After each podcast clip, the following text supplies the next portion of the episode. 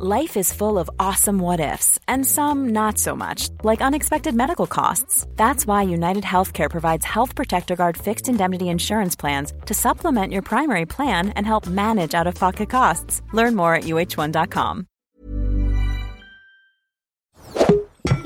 Tony Media.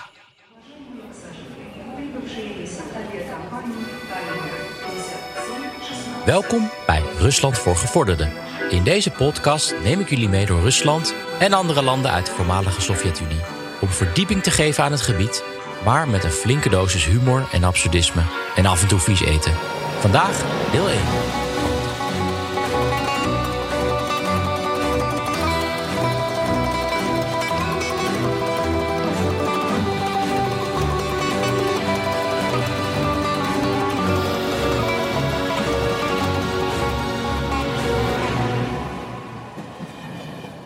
Vandaag wil ik het met jullie hebben over alcohol. Ik was ooit uitgenodigd bij een wijnproef-evenement in Moskou. Waar Russische inkopers samenkwamen met Franse exporteurs. En ja, dat begon op zich heel beschaafd. Maar het probleem was dat een aantal Russische inkopers vertikten om de wijn na het proeven uit te spugen. Dus slikte het gewoon door. En dat evenement begon denk ik om een uur of negen ochtends. En om elf uur ochtends lagen de eerste mannen al stom dronken in het gras voor de deur van het evenement. En er is iets bijzonders met Russen en alcohol. Ik wil niet zeggen dat elke Rus een alcoholist is. Maar over de linie wordt er wel vaker en meer gedronken. In het bijzonder sterke drank, in het bijzonder vodka. En dat levert natuurlijk heel veel ellende op. Maar door die alcohol heb ik ook heel erg veel plezier gehad in Rusland. Maar eerst nog even dit. Ik schrijf een soort ruw script voor deze podcast. Het zijn een soort van steekwoorden waar ik zelf soms ook niet helemaal wijs van word. Vol met de spellingen en tikfouten. Maar dat maakt ook allemaal iets van uit, want ik spreek het toch in. Maar iets schrijven is een ander verhaal. Bij een mail wil je echt geen fouten maken, laat staan bij een sollicitatiebrief. En vroeger ging dat dan allemaal eh, bij iemand langs die dat checkte of dat in orde was je kende vast wel een of andere oom die uh, gepensioneerd leraar Nederlands was. En die zat dan heel gefrustreerd overal rode strepen te zetten. Stel ik me zo voor. Maar het is nu 2022 en er zijn ook andere manieren mogelijk. Zoals bijvoorbeeld Language Tool, de sponsor van deze aflevering. Language Tool die gaat veel verder dan een simpele spellingscheck, zoals in je schrijfprogramma. Language Tool is een intelligente schrijfassistent en voorkomt gênante fouten in grammatica, interpunctie, stijl en spelling. Zoals bijvoorbeeld het woord gênant. Is dat nou echt met een dakje op de E of niet? Hoe dan ook, Language Tool ondersteunt meer dan 20 talen en ze controleren de tekst terwijl je tikt. Je zou zelf eens een kijkje op hun site moeten nemen en dat is languagetool.com. Als je daar toch bent, kan je ook de gratis browser-extensie downloaden en ontvang je ook 20% korting op de premium versie. En die vind je op languagetool.com/jelle.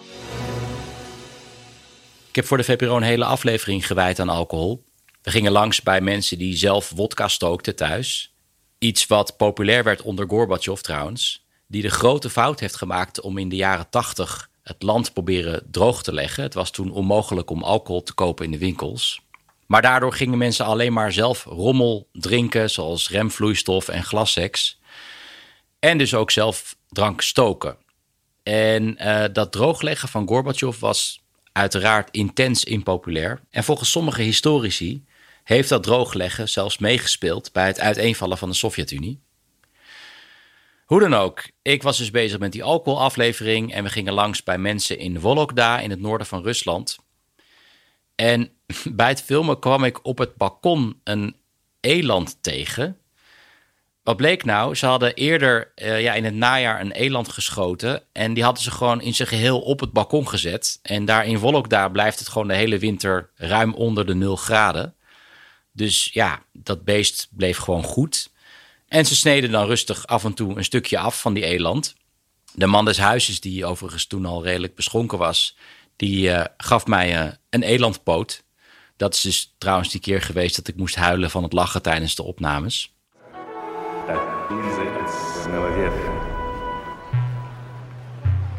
Het cliché van een wodka drinkende Rus komt niet uit het niets.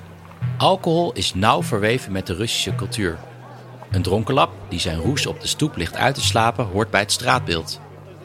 Meer dan 3000 mensen worden wekelijks in Moskou opgepakt wegens openbare dronkenschap. Jaarlijks drinken Russen omgerekend 15 liter pure alcohol per persoon. Het is geen toeval dat de meeste Russische mannen op maandag doodgaan, als het alcoholrijke weekend net achter de rug is. Grofweg een derde van de sterfgevallen in Rusland hangt samen met alcoholgebruik. Volgens het Russische ministerie van Volksgezondheid ligt het percentage alcoholisten bij mannen op 40 en bij vrouwen op 17 procent. Jaarlijks sterven in Rusland 40.000 mensen door alcoholvergiftiging. De oorzaak is doorgaans illegaal gestookte wodka. En dit zijn nog maar de officiële cijfers. Het probleem is dat alcoholisme niet wordt gezien als een zwakte, een verslaving, maar als een ziekte die je overkomt. Er rust ook niet echt een taboe op, wat natuurlijk ook niet mogelijk is met zoveel alcoholisten. Maar het blijft raar dat je s'avonds twee mannen in Tverskaya-straat in Moskou op de grond ziet zitten met een bordje waarop simpelweg staat: Geef geld om ons te kunnen bezatten. En dat niemand daarvan opkijkt. Sterker nog, een hoop mensen moet erom lachen en gooit wat geld in de doos.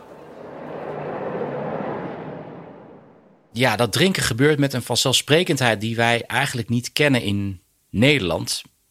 Ik heb zelf ook het idee dat dat drinken, dat alcohol een rol speelt in de sociale interactie. In Rusland heb je een groot onderscheid tussen publiek en privé. Als je bij Russen thuis bent, is het een en al vriendelijkheid en vrolijkheid. Maar buiten de deur zijn Russen over het algemeen best verlegen, introvert, kortaf. Dat komt op Nederlanders trouwens soms over als onvriendelijk. En volgens mij werkt alcohol dan als een soort van ja, sociaal smeermiddel. Ik nam ooit een trein uit Sint-Petersburg naar huis, naar Moskou. Mijn vriendin woonde toen in Petersburg en ik verdiende toen heel erg weinig. Dus ik nam altijd de derde klas. En ja, in de derde klas heb je wel een bed, maar dat is dan in een soort slaapzaal. Ik had de nachttrein genomen. En ik weet nog precies die geur als je de derde klas binnenkomt. Helemaal in de winter, als het buiten min 20 is en ze de ramen helemaal potdicht houden. En die geur is eigenlijk een soort van mengeling van sokken en zweet en, en salami. En ook de kolen die de samovar warm houden. En toen de trein het station uitreed, kwam een man tegenover me zitten in een uh, polyester pak. Dus hij had een lekkere indringende zweetlucht. En er kwam ook een soldaat bij zitten. En die man in het pak die haalde uit zijn sporttas een fles met wodka en glaasjes. En ook pakte hij een stapel boterhammetjes. Die waren belegd met salo, wat Oekraïens spekvet is. En dat zette hij allemaal neer op het tafeltje. En hij schonk drie keer 100 gram in. 100 gram is ongeveer ja, zoveel als een eh, flink limonadeglas. Even voor duidelijkheid, we hadden op dat moment dus nog helemaal geen woord met elkaar gewisseld. Die man had ook helemaal niet gevraagd of we wilden drinken. En die man, die soldaat en ik, klinkten de glazen en we dronken die glazen leeg. We namen een hap van de vieze boterhammen en toen pas begon het gesprek. Moet je je dus even voorstellen hoe raar het in Nederland zou zijn. Je zit, uh, ja, weet ik veel, in de trein naar Maastricht. En dan komt er iemand tegenover je zitten en die schenkt je een limonadeglas met wodka in.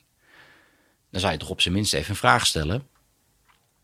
In ieder geval, die man die bleek te werken voor de Russische geheime dienst. En ik was dus toen correspondent voor Trouw. Dus in alle andere situaties waren we gezworen vijanden. Maar nu dronken we samen. En dan was het anders. Toen die fles trouwens op was, vroeg die man of ik nog meer wodka wilde of Russische koffie. Nou, ik koos het laatste, maar Russische koffie bleek dus ook wodka te zijn. En die fles haalde hij ook weer uit zijn sporttas. En ik zat in die tas te kijken en ik zag dat hij vol zat met nog meer flessen wodka. Uiteindelijk hebben we op die rit drie flessen wodka opgedronken. En die man heeft mij allemaal interessante dingen verteld over zijn werk. En ik heb beloofd dat nooit verder te vertellen. Die soldaat trouwens, die probeerde me in zijn dronkenschap mij te bekeren tot het Russisch-orthodoxe geloof. Is hem trouwens niet gelukt. Kortom, het was een reuze interessante avond. En ik denk, zonder die alcohol was dat waarschijnlijk niet gebeurd. Er valt ook niet te ontsnappen aan die alcohol in Rusland. Toen ik pas woonde in Tsaritsene, wat een slaapwijk is in het zuiden van Moskou, had ik daar elke dag mee te maken. De locatie was niet slecht, op de hordes dronkenlappen in en rond het gebouw na. Zo was er de vijfde etage dronkenlap, die altijd zijn roes lag uit te slapen in hetzelfde trapportaal. Na enige tijd kreeg ik handigheid in het over hem heen springen zonder hem wakker te maken. Dan had je nog de karton dronkenlap, die altijd in de goot ging liggen met zijn hoofd op de stoep. In zijn delirium had hij nog wel de tegenwoordigheid van geest een stukje karton onder zijn hoofd te schuiven. Op een dag lag hij zonder karton op de stoep. Daarna heb ik hem nooit meer gezien.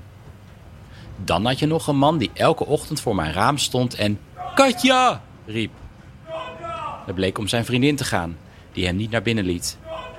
Dat had waarschijnlijk weer te maken met zijn verregaande staat van dronkenschap. Het was altijd hetzelfde ritueel. De man kwam rond 12 uur middags terug van een of ander zuipfestijn. En Katja, mijn bovenbuurvrouw, deed niet open. De man ging voor het raam van Katja staan en bleef maar Katja roepen. Wat langzaam overging in Katja. Als moeheid de overhand kreeg en hij in het gras in slaap viel. Na een paar uur liet Katja hem binnen. En dat is dan nog Moskou. Als je de provincie ingaat, is het allemaal nog veel erger. In Moskou is werk en zijn mogelijkheden, maar in de provincie heb je dat over het algemeen niet. Geen wonder natuurlijk dat juist zoveel jongens dit soort gebieden verlaten en nu aan het vechten zijn aan het front in Oekraïne. Want ander werk is er vaak niet. Dat geldt vooral voor de zogenaamde monosteden. Rusland is bezaaid met dit soort steden. 1 op de 10 Russen werkt in zo'n monostad. Ze stammen nog uit de Sovjet-tijd en die werden uit de grond gestampt tijdens de industrialisatie van het land. Ja, eigenlijk is zo'n monostad gewoon een fabriek met een stad eromheen, die volledig afhankelijk is van zo'n fabriek. Na de val van de Sovjet-Unie viel de vraag naar producten uit zo'n fabriek weg. Uh, en in het Westen werden diezelfde spullen goedkoper gemaakt en nog van betere kwaliteit ook. Andere landen, zoals de Baltische landen en de laatste jaren ook Oekraïne en Georgië, die voerden pijnlijke hervormingen door. Ze sloten die fabrieken en daar kwam dan iets anders voor in de plaats. Maar Poetin heeft die hervormingen nooit aangedurfd. En Rusland heeft een soort van slappe middenweg gekozen. Dus sommige fabrieken worden nog steeds kunstmatig in leven gehouden, zoals de enorme Lada-fabriek in Toliati. In andere plekken kwijnen die fabrieken langzaam weg. Toen ik een zomer Russisch studeerde in Sint-Petersburg, wilde ik zo'n monostad bezoeken. En ik nam met wat vrienden de trein richting Moermansk en ik stapte uit bij het stadje Kiem aan de Witte Zee. Ook typisch zo'n monostad. Vroeger stond daar een zaagfabriek waar iedereen werkte, maar die zaagfabriek was nu praktisch gesloten en er was niks anders voor in de plaats gekomen. Iedereen die de mogelijkheid had, was vertrokken en de bewoners die overbleven, die grepen allemaal naar de fles. We namen de bus naar de haven. De weg naar de haven omschreef Lonely Planet als picturesque. In werkelijkheid leek het meer op een maanlandschap van modder en houten rotzooi. In de modder stond een verdwaasde koe met zijn hoofd in een weggegooide koelkast. De buschauffeur had naast de versnellingspook een geopend blikje bier staan. Bij aankomst in de haven moest ik mijn beeld wat bijstellen. De kade was een rottende pier met uitzicht op een half verzonken schip. De pittoreske horeca bestond uit één houten hut waar je na enig aandringen Nescafé of een zakje gedroogde vis kon kopen van een dronken vrouw met slecht geblondeerd haar. Achter ons hoorden we geroep uit een houten keet. Er bleken een man en een vrouw in de keet te wonen. De man, geheten Walodja, nodigde ons uit voor een kopje thee. Na de thee keek Volodja met een guitige blik naar een roestende emmer in de hoek van de kamer. Die bleek niet met water gevuld, maar met zelfgestookte wodka. Wat betreft zelfgestookte wodka geldt de vuistregel: zolang je de persoon kent die deze wodka heeft gebrouwen, kun je waarschijnlijk veilig drinken. De wodka had Valotja echter ergens op de kop getikt. We waren nog niet op de hoogte van de regel en sloegen de wodka achterover in een smoezelige emaille beker, blindheid riskerend. Na de wodka wilde Valodja 2 euro om nieuwe wodka te kopen. Vervolgens vroeg hij terloops of we zin hadden om de plek te zien waar vroeger de plaatselijke gulag was, als ware het de bloemenmarkt. Ja, dit is een populaire theorie onder de Russen waarom ze zoveel zuipen. Sommige Russen zeggen dat het zou helpen bij het verwerken van een traumatisch verleden, een traumatisch collectief verleden van gulagkampen en deportaties en executies, wat de Russen eigenlijk nooit echt hebben verwerkt. Opnieuw, andere landen, de Baltische landen en ook weer Oekraïne en Georgië, die openden hun voormalige KGB-archieven. Ze onderzochten de misdaden van de Sovjets. Ze richten musea op met een belangrijke boodschap, namelijk wat er is gebeurd moet zich nooit meer herhalen. Rusland intussen heeft nooit rekenschap afgelegd. Sterker nog, die terreur van de Sovjets die verdwijnt langzaam uit de geschiedenisboeken. Het laatste Gulag-museum is gesloten in Rusland. In de laatste versie van de geschiedenisboeken wordt Stalin omschreven als een effectief manager. En juist hier in dat stadje Kiem vond een van de verschrikkelijkste episodes in die Sovjetgeschiedenis plaats. Hier werd in de jaren 30 gewerkt aan het zogenaamde Belomor-kanaal. En dat kanaal werd gegraven door gevangenen van de Gulagkampen. Gereedschap was er bijna niet. Soms hadden ze alleen maar een schep en soms moesten ze het zelfs doen met blote handen. Er vielen ongeveer 25.000 doden bij de bouw van het kanaal. Wil je meer weten hierover, dan moet je maar eens het schitterende boek Ingenieurs van de Ziel lezen van Frank Westerman. Uiteindelijk bleek dat kanaal ook nog eens te ondiep voor de meeste schepen, waardoor het bijna niet meer wordt gebruikt. Maar niemand heeft het hier dan over. Wat het gevaar met zich meebrengt dat de geschiedenis zich weer gaat herhalen natuurlijk. We liepen een eind langs de haven. Op de plek waar de gulag was geweest, verzonk de man in diep gepeins. Het leek of hij iets wilde zeggen, maar dat het hem moeite kostte. Zouden zijn ouders in het kamp zijn omgekomen? Had hij zelf jarenlang met grote basaltblokken op zijn rug gezult? Spaarde hij het voedsel uit zijn mond voor zijn kinderen? Na een indringende stilte vroeg de man ons: Kennen jullie Fort Boyard? Omdat de vraag zo onwerkelijk was, drong het pas na een ogenblik tot me door dat hij het Franse spelprogramma bedoelde, waar mensen door kamers met ratten moeten kruipen. De man bleek een groot fan van Fort Boyard. Omringd door een verlaten gulagkamp, een half verzonken schip en beschenen door de middernachtzon, vertelde hij over zijn fascinatie voor Passepartout, een van de vaste medewerkers in Fort Boyard. Vaag kon ik me herinneren dat Passepartout een dwerg was met de sleutelbos. Na een fascinerend exposé over de dwerg Passepartout, waarvan wij helaas maar de helft verstonden, door ons gebrekkige Russisch en zijn gebrekkige gebit, liepen we de dorpskerk binnen. Behalve wij drieën was de enige aanwezig in de kerk een zwakzinnige man die een erg lang lint in zijn vuist had geklemd en heen en weer wiegde met zijn lichaam. Het lint was een tot spiraal gescheurde supermarktfolder. De aanblik van een zwakzinnige, beschenen door de middernachtzon met Russisch gezang op de achtergrond, was hypnotiserend en we bleven er ruim een half uur staan.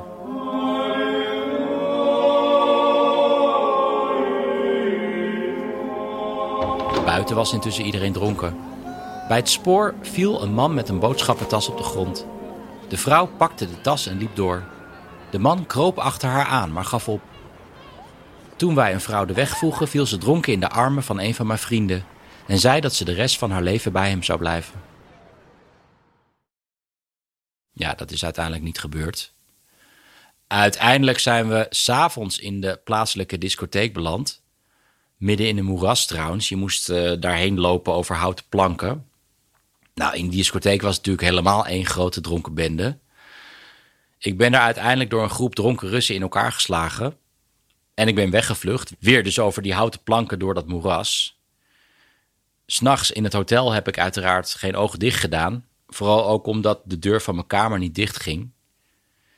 De volgende ochtend hebben we de eerste beste trein naar Petersburg genomen. En ik kan me nog herinneren dat ze bij de kiosk geen enkele drank hadden zonder alcohol. We, hadden, ja, we moesten wat meenemen voor in die trein. En we kozen uiteindelijk dus een fles frisdrank met het laagste alcoholpercentage. En natuurlijk zijn niet alle dorpen hopeloos gevuld met alcoholisten. En ik wil graag toch ook een beetje positief eindigen. Ik wil wat vertellen over het bezoek aan het dorp van mijn toenmalige vriendin Marina. In ieder geval het dorp waar zij vandaan kwam. Dat dorp ligt in de buurt van Volgograd, het voormalige Stalingrad in het zuiden van Rusland. En als ik denk aan een typische zomerdag op het platteland in Rusland, dan denk ik altijd aan dit dorp. We reden weg van het busstation in een voormalige Nederlandse streekbus en doden de reistijd met het eten van zonnebloempitten uit een puntzak gemaakt van een krant. We kwamen terecht in het verlaten dorp, dat in al zijn stoffigheid wat weg had van een verlaten goudzoekersdorp uit een Amerikaanse western.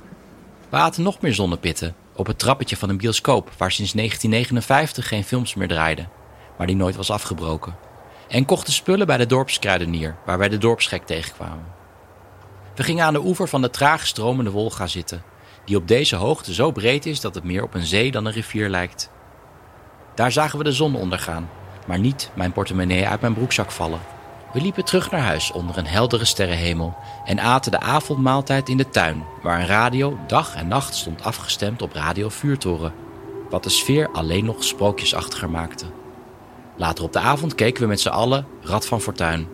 De mannen dronken een biertje, terwijl de vrouwen erop letten dat het ook daadwerkelijk bij eentje bleef. De volgende ochtend vertrokken wij om in de Wolga te gaan zwemmen. De oom liep naar een van de grote watermeloenen die op het veld groeiden, hakte hem los en zei: Dan hebben jullie wat te drinken. Onderweg kwam ik erachter dat mijn portemonnee kwijt was en we liepen terug naar de plek waar wij de zon onder handen zien gaan. Daar lag hij nog. We zwommen in de Wolga en rustten uit in een verlaten vissersboot in gezelschap van de reusachtige watermeloen. Bij terugkomst was de banja, de Russische sauna, opgestookt, zodat wij het vuil van de rivier van ons af konden wassen. Bij vertrek kregen we nog een boodschappentas met tomaten mee, om te geven aan een kennis in Volgograd. Wachtend op de bushalte plukte Marina achterloos een struik fantastisch geurende wilde basilicum, die bij het stoepje groeide, voorbij de tomaten. Daar op de bushalte begreep ik dat ik van Rusland hield. Als Poetin al dan niet in een kist is vertrokken vanuit het Kremlin en er hopelijk andere, betere mensen aan de macht zijn, dan hoop ik ooit nog zo'n zomer weer in Rusland door te brengen. Al ben ik eerlijk gezegd bang dat Rusland door die oorlog voor generaties is veranderd. Dit was het voor deze keer. Deze podcast is gemaakt door Bas Tooms en Ruben Dekker van Tony Media. Tot de volgende keer.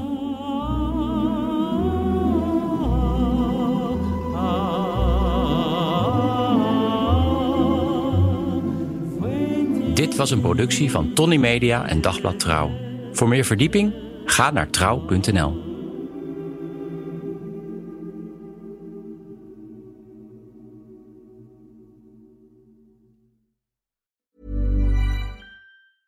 Planning for your next trip?